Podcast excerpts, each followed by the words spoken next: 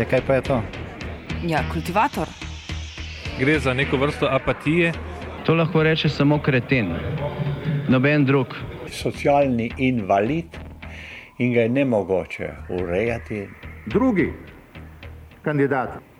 Pa, pa pije, kadi, masturbira, vse kako hoče lahko počne. Nihče tega ne ve.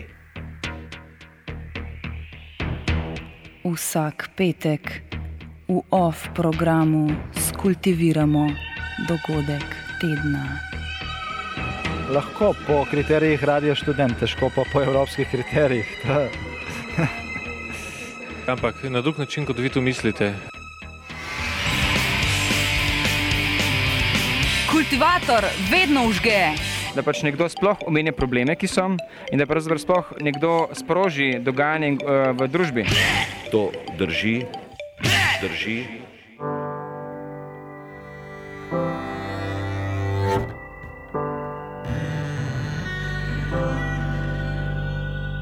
Par vprašanj za upletene v stečaju Vegrada.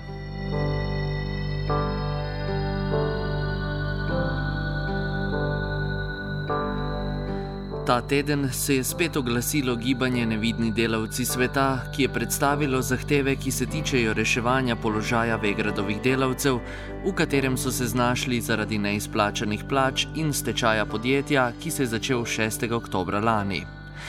Plače niso bile izplačane nekje od maja do septembra lani. Tako več kot 1800 delavcev terja od podjetja nekaj več kot 13 milijonov evrov, kar je v povprečju več kot 7000 evrov na delavca, a je stečajna upraviteljica Alenka Grill priznala za okoli 10 milijonov terjatev. V posebno nezavidljivem položaju pa je okoli 50 delavcev Vegrada, ki stanujejo v delovskem domu na ulici Vide Pregarčeve v Ljubljani oziroma delu doma, ki je v Vegradovi lasti.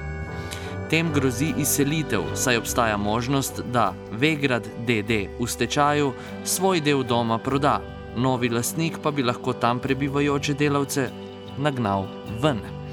Od konca junija namreč delavci, ki tam živijo, ne plačujejo najemnine v višini 75 evrov podjetju, ki jim dolguje tako velike vsote denarja. Matjaž Oven, predstavnik nevidnih delavcev sveta, pravi, da upniški odbor sicer zahteva plačilo najemnine, a da je stečajna upraviteljica Alenka Grill javno dejala, da ne bo nikogar metala ven. Medijih izjavljeno, tudi meni osebno po telefonu rekla, da ven jih ne bo metala, da pa sem pričakujejo, da se plača. Ne? Tako da zdaj se nekako uh, smo v dogovorih glede kompenzacije. Zdaj, sprotna kompenzacija, da bi se vsak mesec trgali, ni možna, je nezakonita. Preučujejo pa možnosti, da bi se to v koncu v izplačilu terjatov pokompenzirali. Če vam pa upozarjamo na to, ne, da se pristaja na to kompenzacijo samo v primeru, da dobijo vse 100% vse terjatve, ki jih zahtevajo delavci ne da bi zaradi premehne stečajne mase dobili nek drobiš, pa bi jim pa še pokompenzirali, pa ne bi dobili nič, ali bi mogli pa še celo bi še njih terjali, pol na koncu za najemnine. Prav ob kompletnem plačilu se pokompenzira. Zahteva po strehi nad glavo je sicer najbolj elementarna, a nikakor ne edina, ki jo postavljajo delavci Vegrada. Omenjali smo že upniški odbor, v katerem zaposleni v propadlem podjetju nimajo predstavnika, čeprav predstavljajo po številu tri četrtine vseh upnikov.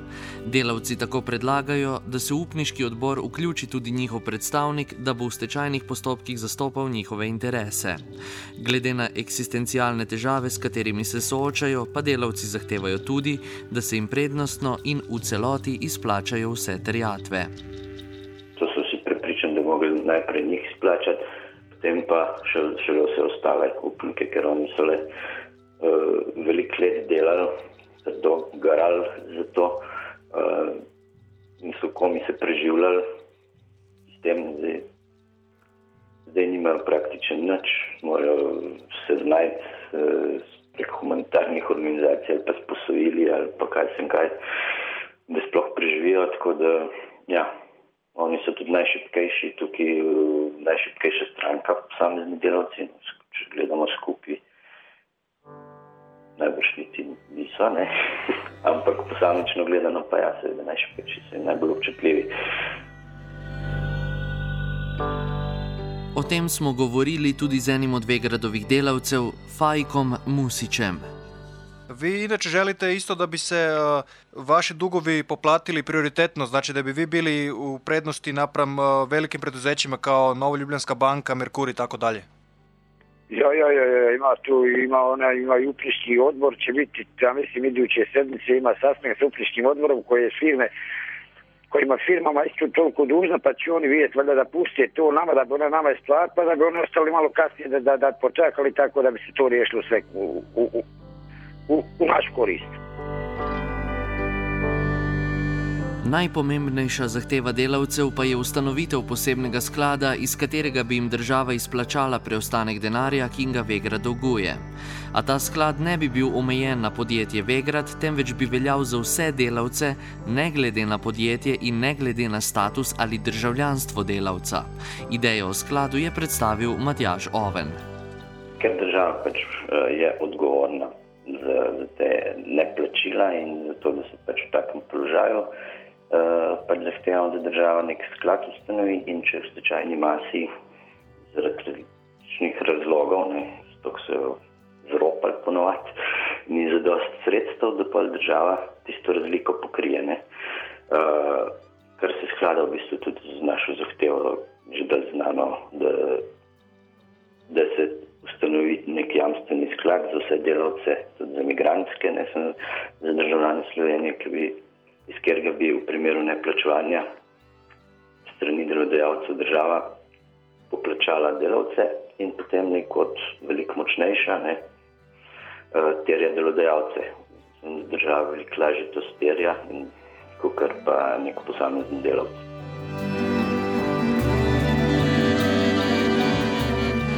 Na tej točki je treba izpostaviti, da podoben sklad že obstaja imenuje se javni, javni jamstveni in preživninski sklad. Po zakonu o javnem jamstvenem in preživninskem skladu imajo delavci v primeru stečaja ali prisilne poravnave pravico do izplačila neizplačanih plač za obdobje zadnjih treh mesecev pred datumom prenehanja delovnega razmerja, a največ do zneska v višini treh minimalnih plač, določenih zakonom na dan izdaje odločbe. To seveda niti približno ne poravna dolgov, ki jih ima v tem primeru Vegrad v stečaju do delavcev.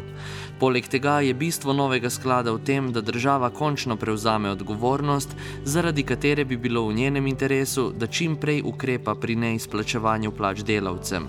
Na to temo smo želeli govoriti s predstavnikom Ministrstva za delo, družino in socialne zadeve, a niso našli ustreznega sogovornika. Obrnili smo se na kabinet predsednika vlade in spregovorili, spregovorili z Milošem Pavlico, oziroma Pavlico, pardon, državnim sekretarjem v kabinetu predsednika vlade. No, pobuda je v vsakem primeru legitimna, ne? vendar eh, dvomim, da bi se vlada uh, v tej smeri uh, tudi odločila. Ustanovitev takega sklada bi pomenila, da seveda v primeru vseh stečajnih postopkov bi potem nekako subsidijarni dožnik bila vlada ne? do vseh tistih, ki so prizadeti v stečajnih postopkih. Ne? V tem primeru bi seveda tudi prišli do situacije, ko bi zelo veliko sredstev potrebovali zato da bi lahko to sanirali. Ne. E, postavlja se tudi vprašanje, ali vlada na tak način lahko posega sploh v mnoge pogodbene odnose med posameznimi partnerji, ne, med podjetjem in delovcem in tako dalje, ker sprejemata neke obveznosti oba partnerja iz tega razmerja.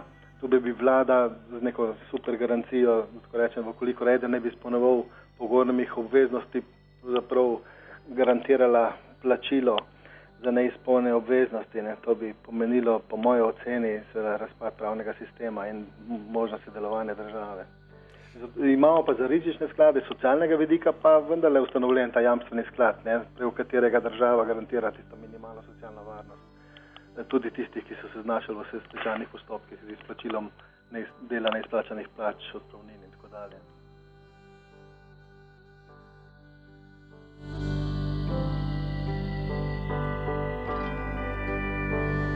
Pavlico smo, smo, smo spomnili na to, da bi novi sklad vzpostavil odgovornost države, ki bi jo prisilila v takojšnje ukrepanje ob kršitvah zakona o delovnih razmerih, še posebej v primeru migranskih delavcev, ki so v toliko bolj ranljivem položaju. Vete, situacija je res zapletena. Nedvomno eh, gre za dejstvo, ko so migranski delavci bolj občutljivi ali pa socialno v težjem položaju kot uh, domači delavci. Čeprav to vedno ne drži. Mi imamo na deset tisoče slovenskih delavcev, ki mesece in mesece ne dobijo plač in so v zelo podobnem uh, socialnem uh, položaju kot ti migranski delavci, nekateri mogoče celo še v slabšem položaju. Ampak ne glede na to, gre za neko občutljivo populacijo in v tem primeru sem seveda državi morala reagirati. In država je reagirala na nekatere načine, ko, kot sem rekel, ne, ko, ko misli, da lahko vstopa na trg dela, v pogodbene odnose s tem, da garantira neko minimalno socialno varnost tudi tej skupini eh, prebivalstva ali pa tej skupini delovstva eh, preko raznih oblik jamstvenih skladov, eh, jamstvenega sklada, tako rečem pa preko socialnih pomoči in ostalih instrumentov, ki jih ima na razpolago. Z rešitvijo, da bi država ustanovila tak jamstveni sklad ne, za terjatev migrantskih delovcev, bi bili unikum v svetu. Ne. Res, da smo unikom tudi po tem, da delodajalci z lahkoto jemljajo neplačevanje prispevkov in plač zaposlenim. Uh, ni veliko držav, ki bi se s tem srečevalo, ne, ampak definitivno nobena država na svetu nima takega jamstvenega sklada, s katerim bi vstopala v, v pogodbena razmerja za izpolnitev posameznih obveznosti. Ne. In bi bilo to resnično rešitev, ki bi bila, pravzaprav se mi zdi, z vidika funkcioniranja države. Eh, absolutno neprimerna. Mislite, neprimerna, ker bi bili stroški enostavno preveliki? Enostavno, seveda. Kar, kaj, kaj bi to pomenilo? To je bilo dan signal delodajalcem, da konc koncev ali plačujejo ali ne plačujejo plač, nekdo bo itak vstopil v to njihovo razmerje, razbremenil njih stroške. Ne? In oni so jo pač z leti tožarali in uh, kumulirali uh, dobičke na račun države, ki je že itak zelo težkem materialnem položaju. O ideji širšega sklada smo govorili s predsednico parlamentarnega odbora za delo, družino, socialne zadeve in invalide Andrejo Črnak Meglič iz vrst socialnih demokratov. Vprašali smo jo, kaj meni o prevzemu odgovornosti strani države v primeru neizplačevanja plač, saj je država v veliko boljšem položaju za izterjavo dolgov. Lejte, uh, živimo v kapitalizmu, ne? za ta uh, družbeni red smo se pač odločili vsi skupaj in seveda uh, kličemo nazaj državo. Jaz mislim, da osnovni problem v tej državi je to, da nišče ne spoštuje uh, nobenih pravil igre. Delodajalci, da se obnašajo kot v najbolj podivjanem kapitalizmu, uh, nadzorni organi, prepozno reagirajo na to, kar jim je naloženo, na tretji strani pa seveda tudi delavci, kot pravim, bi morali zagnati halo tisti moment, ko se stvari dogajajo. Lejte, če ustanovimo tak sklad, to pomeni, da boste vi, jaz ali še kdo drug plačeval obveznosti za lumparije, ki so se dogajale v privatnih podjetjih. Delavec Fajk Musič pravi, da država ne bi prevzela vseh bremen, saj bi bila njena vloga predvsem pomoč. Pa nešto bi, nešto bi ja, ta stečajni, stečajni upravitelj iz stečajne mase izvukao dinara pa dao, a nešto da kao da država dadne, da država tako kao da nešto pomogne da bi se to izvuklo 100% na taj dug. Da nije na teretu državi kompletno, da, da na teret bi ono, pola državi, pola e, stečajnom upravitelju. Iz inšpektorata za delo Republike Slovenije smo dobili informacijo, da je ta organ pri podjetju Vegra DD in njegovih širinskih podjetjih na področju delovnih razmeri v letu 2010 opravil 34 inšpekcijskih nadzorov in letos še dva. Izdano je bilo 80 plačilnih nalogov in 9 odločb o prekršku. Zaradi suma storitve kaznivega dejanja kršitev temeljnih pravic dela pa je bilo na okrožno državno toživstvo podanih pet kazenskih ovadb zoper pravne osebe in njihove odgovorne osebe. To očitno ni dovolj. Zakaj država preko pristojnih služb ne ukrepa prej in tako prepreči, da se nakopičijo takšni dolgovi podjetij do delavcev, ki jim sle, ki slednji potem ne morejo izterjati? Miloš Pavlica iz kabineta predsednika vlade. Imamo neke norme v zakonih, ne? kdaj, do, kdaj je začetek stečajnega postopka. ko, ne, ko se v treh mesecih zaporedoma izplačuje plače, avtomatični neizpodbojni razlog za, stečaj, za uvedbo stečajnega postopka. Problem nastaja takrat, ko delavci mnogokrat pristanejo nesplačila v kešu, na roke, tako rečem na črno, mimo obveznosti, poravnanih obveznosti države. In mnogi od teh delavcev so pristali na take položaje precejšno obdobje. Ne. Seveda, ko pa z tega razmera nastane problem, seveda pa želijo pomoč od države. Normalno so šipkejši, vendar mnogokrat, tako rečem, pa ne upoštevajo legalne zakonodaje, da bi pravočasno ustavili tak proces, da bi javili inšpekcijskim službam, da se, kaj se dogaja pri njih in mirno sprejemajo mesece plačilo na roke, da tako rečem, mimo legalnih postopkov, kar jim verjetno v nekem obdobju ustreza. Jaz razumem položaj teh ljudi. V težkem položaju so njihov ključni interes gotovo je, da zaslužijo kar največ, da lahko pomagajo družini in se ne ukvarjajo s tem vprašanjem, ali so davki plačani ali niso, ali so ti postopki legalni ali legitimni z tega vidika, ne, tudi zakoniti recimo ne, znotraj našega pravnega reda. Oni pač ne, dobivajo nek dohodek in mnogo teh eh, postopkov se začne ravno pozno, ravno zaradi tega, ker delavci v teh prehodnih obdobjih pristajajo na, neko, na nek uh, suženski odnos, da tako rečem, tudi s tem, da, da, da rečem posredno kršijo zakonodajo. Ne. Gospod Polica, zdi se nekako, da prelagate odgovornost na delavce, ko je pa jasno v Republiki Sloveniji, da je država predvsem odgovorna za svojo zakonodajo, za ta suženski odnos delavcev do delodajalcev. Država je v vseh primerih, ko tudi recimo v primeru Vegrada, ne, ukrepala z številnimi inšpekcijskimi odločbami, to poznate verjetno. Ne. Uh, nekatere od teh določb se izvajajo, nekatere ne, odločb se izvajajo, ampak uh, mnoge od teh odločb se ne izvajajo zaradi nesolventnosti tistega, ki mu je bila naložena kazen. Tako da, do, tako da veliko krat, ko je izrečena kazen podjetju, uh, ko je izrečen ukrep, da se ta nepravilnost odpravi, tisti, kateremu je to izroče, ne, naloženo, ne more ukrepati, ker je insolventen, nima možnosti za to ukrepanje. In tukaj pridemo do točke, ko pravzaprav je treba sprožiti pravočasno stečajne postopke, da se zagotovi tista minimalna socialna potem preko jamstvenega sklada za neko obdobje. Ne? In postopki tečejo pač naprej, tako kot za vse, ne? tudi za, za tiste, ki se znajdejo v stečajnem postopku. Črnak Megličeva priznava delno krivdo tudi na strani države v tej zgodbi.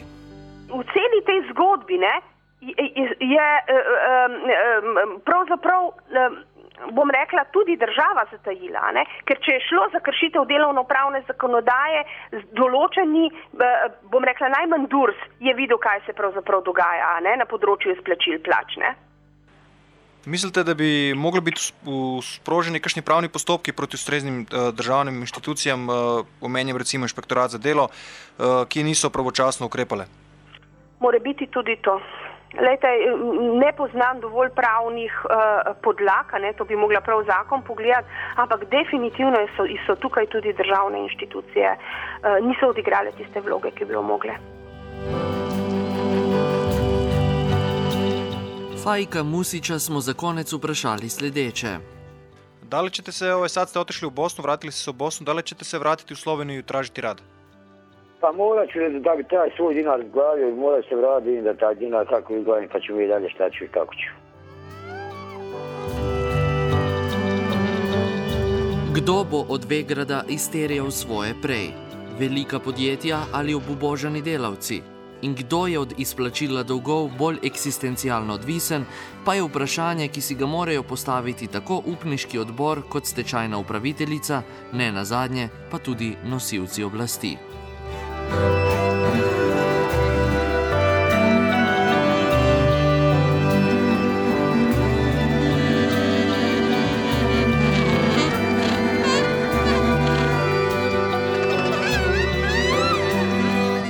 Kultiviral je Boris Vasev.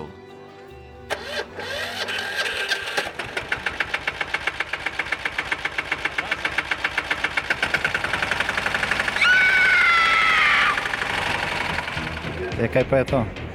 Ja, kultivator. Gre za neko vrsto apatije. To lahko reče samo kreten, noben drug. Socialni invalid in ga je ne mogoče urejati. Drugi kandidat. Pa, pa pije, kadi, masturbira, vse kako ti človek počne. Nihče tega ne ve. vsak petek v OF programu skultiviramo dogodek tedna. Lahko po kriterijih radio študent, težko pa po evropskih kriterijih. Ampak na drug način, kot vi to mislite. Kultivator vedno užge. Da pač nekdo sploh omenja probleme, ki so, in da pravzaprav sploh nekdo sproži dogajanje uh, v družbi. To drži, drži.